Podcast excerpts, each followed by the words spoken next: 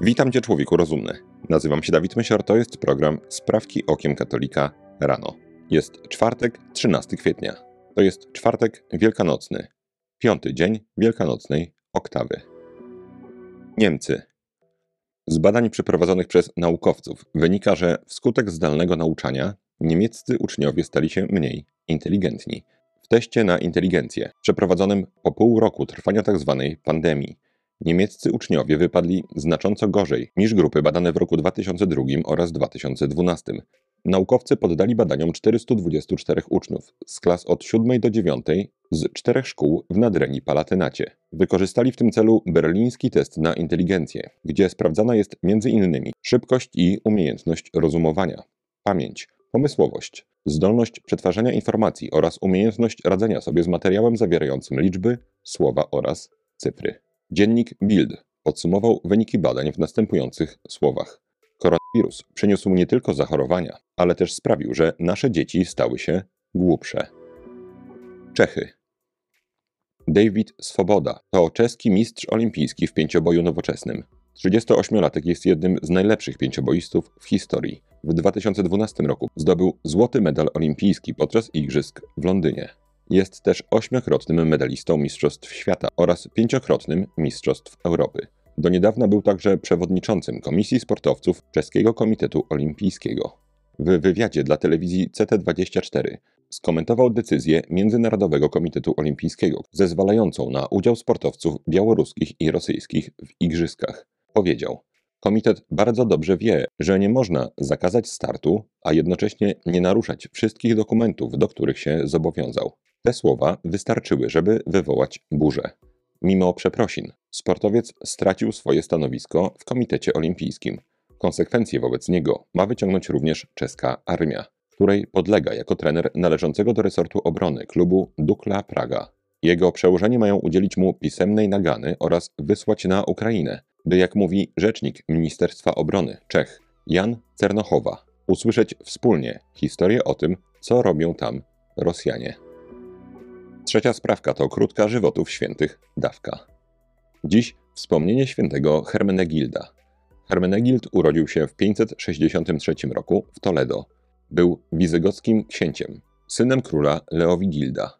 Został wychowany jako wyznawca herezji ariańskiej, która od przeszło 200 lat plądrowała szeregi kościoła. W wieku lat 15 Hermenegild poślubił frankijską księżniczkę Ingundę, która była katoliczką. Pod wpływem żony oraz znajomości ze świętym Leandrem z Sewilli, Hermenegild nawrócił się na katolicyzm. To spowodowało konflikt z ojcem, odsycany przez jego drugą żonę, Galsfintę, która była ariańską fanatyczką. To podzieliło Hiszpanię na dwa obozy. W 582 roku król Leowigild rozpoczął oblężenie zwolenników Hermenegilda w Sewilli. Stronie katolickiej pomagali wówczas wysłannicy cesarstwa bizantyjskiego – po porażce Hermenegild uciekł do Kordoby, której rządzili właśnie Bizantyjczycy. Ojciec przekupił jednak bizantyjskiego prefekta i pojmał syna. W swoich dialogach papież Grzegorz I pisze, że święty Hermenegild został ścięty na rozkaz ojca Wielki Piątek 13 kwietnia 586 roku w Taragonie za odmowę wyrzeczenia się katolickiej wiary.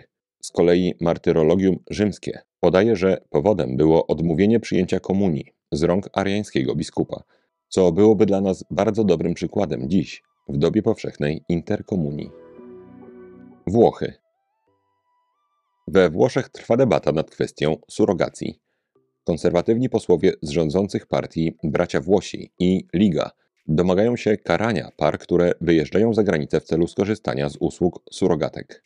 Zakaz korzystania z surogacji za granicą był jednym z ważnych punktów programu, którego realizację obiecywała obecna premier Włoch pani Giorgia Meloni. Przeciwnikiem zakazu korzystania z surogacji za granicą jest Alessa Crocini, przewodnicząca, przewodniczący Stowarzyszenia Tęczowe Rodziny, która powiedziała: Kryminalizowanie praktyki, która jest całkowicie legalna i regulowana przez bardzo surowe przepisy w krajach, których z pewnością nie można nazwać państwami bezprawia, byłoby problematyczne z punktu widzenia prawa międzynarodowego. Pan pani Crocini uważa, że pary heteroseksualne, które skorzystają z surogacji, będą mogły to ukryć, natomiast nie będą w stanie ukryć tego pary tej samej płci, co miałoby świadczyć o dyskryminacji. Jako odpowiedź pani panu Crocini Podać można wyniki badań amerykańskiego naukowca, profesora Marka Regnerusa, który w swoich badaniach wykazał, że dzieci wychowywane przez kobietę i mężczyznę są znacznie szczęśliwsze, zdrowsze i bardziej bezpieczne w swojej przyszłości niż te wychowywane przez pary jednopłciowe. Naukowiec ten stał się obiektem wściekłych ataków ze strony środowisk homoseksualnych, podobnie jak teraz rząd włoski, który zamierza włoskim gejom i lesbijkom bardzo utrudnić adopcję dziecka. Finlandia. 2 kwietnia w Finlandii odbyły się wybory parlamentarne. Władzę straciła partia socjaldemokratyczna, niezwykle postępowej i tak wychwalanej przez liberalno-lewicowe media również w Polsce, pani premier Sanny Marin. Dotychczasowa premier Finlandii, co podkreślała niejednokrotnie, jest wegetarianką wychowaną przez parę dwóch lesbijek. Wybory w Finlandii wygrała niestety tylko z nazwy Chadecka, partia Koalicji Narodowej, która zdobyła 20,8%. Niestety program tej partii niewiele różni się od programu socjaldemokratów, przynajmniej jeżeli chodzi o zasadniczą warstwę światopoglądową. Drugie miejsce zdobyła Narodowo-Konserwatywna Partia Finów z wynikiem 20,06%, a dopiero trzecie Partia Socjaldemokratyczna z wynikiem 19,9%. Rozmowy dotyczące powyborczej koalicji wciąż trwają. Partia Koalicji Narodowej nie wyklucza wejścia w koalicję z prawicową partią Finów. Bułgaria. 2 kwietnia odbyły się również wybory w Bułgarii. Były to piąte wybory w ciągu dwóch ostatnich lat. Przez ten czas nie udało się w Bułgarii stworzyć stabilnego rządu. Na uwagę zasługuje partia Odrodzenie, której poparcie znacznie rośnie z wyborów na wybory. Kwietniu 2021 zdobyła 2,4% głosów. W lipcu tego samego roku zdobyła 2,97%, a w listopadzie 4,8%. W 2020 roku było to już 9,83%, a w wyborach sprzed 11 dni zdobyła 13,58%. Partia Odrodzenie głosi program narodowy, konserwatywny, chrześcijański i patriotyczny. Sprzeciwia się sterowanej imigracji, jak również podporządkowaniu Bułgarii polityce międzynarodowego globalizmu. Partia zasłynęła ze sprzeciwu wobec oficjalnej narracji odnośnie tzw. Tak pandemii oraz cudownego eliksiru w ramię. Polska. W dniach od 13 do 17 marca w wielu polskich szkołach i przedszkolach organizowano ogólnopolski tydzień uważności. Jeden ze słuchaczy sprawek Okiem Katolika, pan Krzysztof, nie wyraził zgody na udział swoich dzieci w tym wydarzeniu, pomimo tego, że szkoła przedstawiała projekt w samych superlatywach. Brak zgody pana Krzysztofa poskutkował odwołaniem całych zajęć, co spotkało się z ogromnym niezadowoleniem nauczycieli, pedagoga oraz rodziców pozostałych uczniów. Uważność, po angielsku mindfulness, wywodzi się z buddyzmu i hinduizmu. Propagatorem tzw. Tak uważności na zachodzie jest Jon Kabat-Zinn, żydowski profesor ze Stanów Zjednoczonych. Pan Kabat-Zinn jest adeptem buddyzmu Zen oraz założycielem Cambridge Zen Center. Za pomocą tzw. Tak uważności chce zintegrować nauczanie buddyzmu z wiedzą naukową. Ta swoista buddyjska medytacja ma rzekomo leczyć stres, urazy psychiczne, a nawet raka. Propagowania idei uważności zakazano na przykład we wszystkich francuskich szkołach. W latach 2018-2020 francuski Urząd do Spraw Sekt otrzymał 12 zgłoszeń o wciągnięciu dzieci właśnie do sekt za pomocą szkolnych zajęć z uważności. W szkole, do której chodzi dziecko pana Krzysztofa, Tydzień Uważności miał być zorganizowany przez Fundację Uważność. Panie założycielki tej fundacji, Katarzyna Kowalska-Bębas i Jowita Wowczak, na stronie internetowej prezentują się w następujący sposób. Pani Katarzyna, twórczyni programu Kosmos i Kajo, certyfikowana trenerka Family Lab i Yogi dla dzieci, instruktorka Hatha Yogi w trakcie kursu Vinyasa Krama. Pani Jowita z kolei prezentuje się jako twórca programu Kosmos i Kajo, czyli trochę inaczej niż pani Katarzyna, która nazywa się twórczynią. Najbardziej w całej tej historii przerażający jest zupełny brak czujności rodziców. Wystarczy rzucić im kilka progresywnych haseł i użyć słowa uważność, które brzmi przecież pozytywnie, żeby wszyscy z wielkim entuzjazmem podpisywali zgody na uczestnictwo ich dziecka w tym wydarzeniu. Kto by wszak nie chciał, żeby jego dziecko było uważne? Drodzy rodzice, i zresztą nie tylko, proszę bardzo uważać na wszystko, co nazywa się uważność, czyli mindfulness. To jest system na wskroś antykatolicki. Przy okazji muszę powiedzieć, że bardzo zaimponował mi pan Krzysztof, ponieważ wykazał się właśnie uważnością, ale taką prawdziwą. Ponownie Polska. Sąd w Katowicach skazał 28 marca radną Sosnowca panią Grażynę Welon za ujawnienie tzw. Tak orientacji seksualnej innej radnej pani Ewy Szoty. Radna Szota uznała, że radna Welon naruszyła jej prawo do ochrony prawnej życia prywatnego, rodzinnego, czci i dobrego imienia oraz do decydowania o swoim życiu osobistym.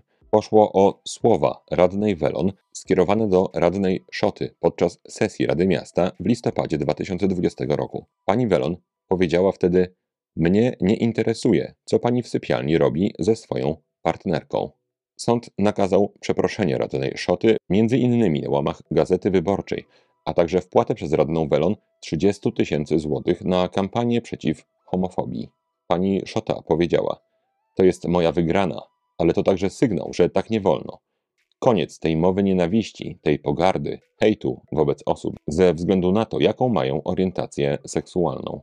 Wyrok jest o tyle interesujący, że sąd i pani Szota chyba uznały homoseksualizm za coś mogącego obrazić czyjeś dobre imię. Nie do końca wiadomo, czy pani Ewa Szota jest dumna ze swojego postępowania, czy też raczej się go wstydzi. Przecież istnieje tendencja wśród lewicowych polityków, żeby bardzo głośno podkreślać swoją orientację seksualną, jeżeli są homoseksualistami. W tym przypadku prawdopodobnie chodzi o to, że pani Ewa Szota wolała mieć kontrolę nad tym, kiedy i jak sprzeda medialnie swoją orientację. Natomiast oczywiście możliwe jest, że się mylę i że zamierzała już zawsze ukrywać swoją partnerkę. Bardzo niebezpieczne jest zarządzenie tej niemałej kwoty na skrajnie lewicową organizację ruchu LGBTQ i inne literki. Może to w przyszłości doprowadzić do innych podobnych wyroków, na przykład, i mówię zupełnie serio, nakazujących wpłacenie pieniędzy organizacjom pomagającym w zabijaniu dzieci przez przeciwników tego procederu, którzy z jakiegoś powodu przegrają proces sądowy. Ostatnia sprawka to krótka rozprawka. Dziś kilka słów o współczesnej sztuce i dlaczego uważam, że w przytłaczającej większości stanowi ona gwałt na rozumie człowieka. Rozum człowieka ma trzy podstawowe pragnienia: pragnienie dobra, pragnienie piękna i pragnienie prawdy. Najstarsze dzieła sztuki, nawet pogańskiej, były w przeważającej większości obiektami sakralnymi. Podobnie wszystkie dzieła sztuki z chrześcijańskiej starożytności zawsze powstawały dla chwały Boga. Były to obrazy ołtarzowe, freski na ścianach kościołów, rzeźby w świątyniach, czy też ilustracje ksiąg liturgicznych albo zdobione naczynia przeznaczone do kultu Bożego. Potem niestety nastąpił renesans. I już nie wieczność była przedmiotem zainteresowania artystów, ale pejzaże, portrety, czy też na przykład rzeźby zwierząt. Ogólnie jednak można powiedzieć, że życie społeczne nadal było przepełnione duchem chrześcijańskim, co nadal miało swoje odbicie w sztuce.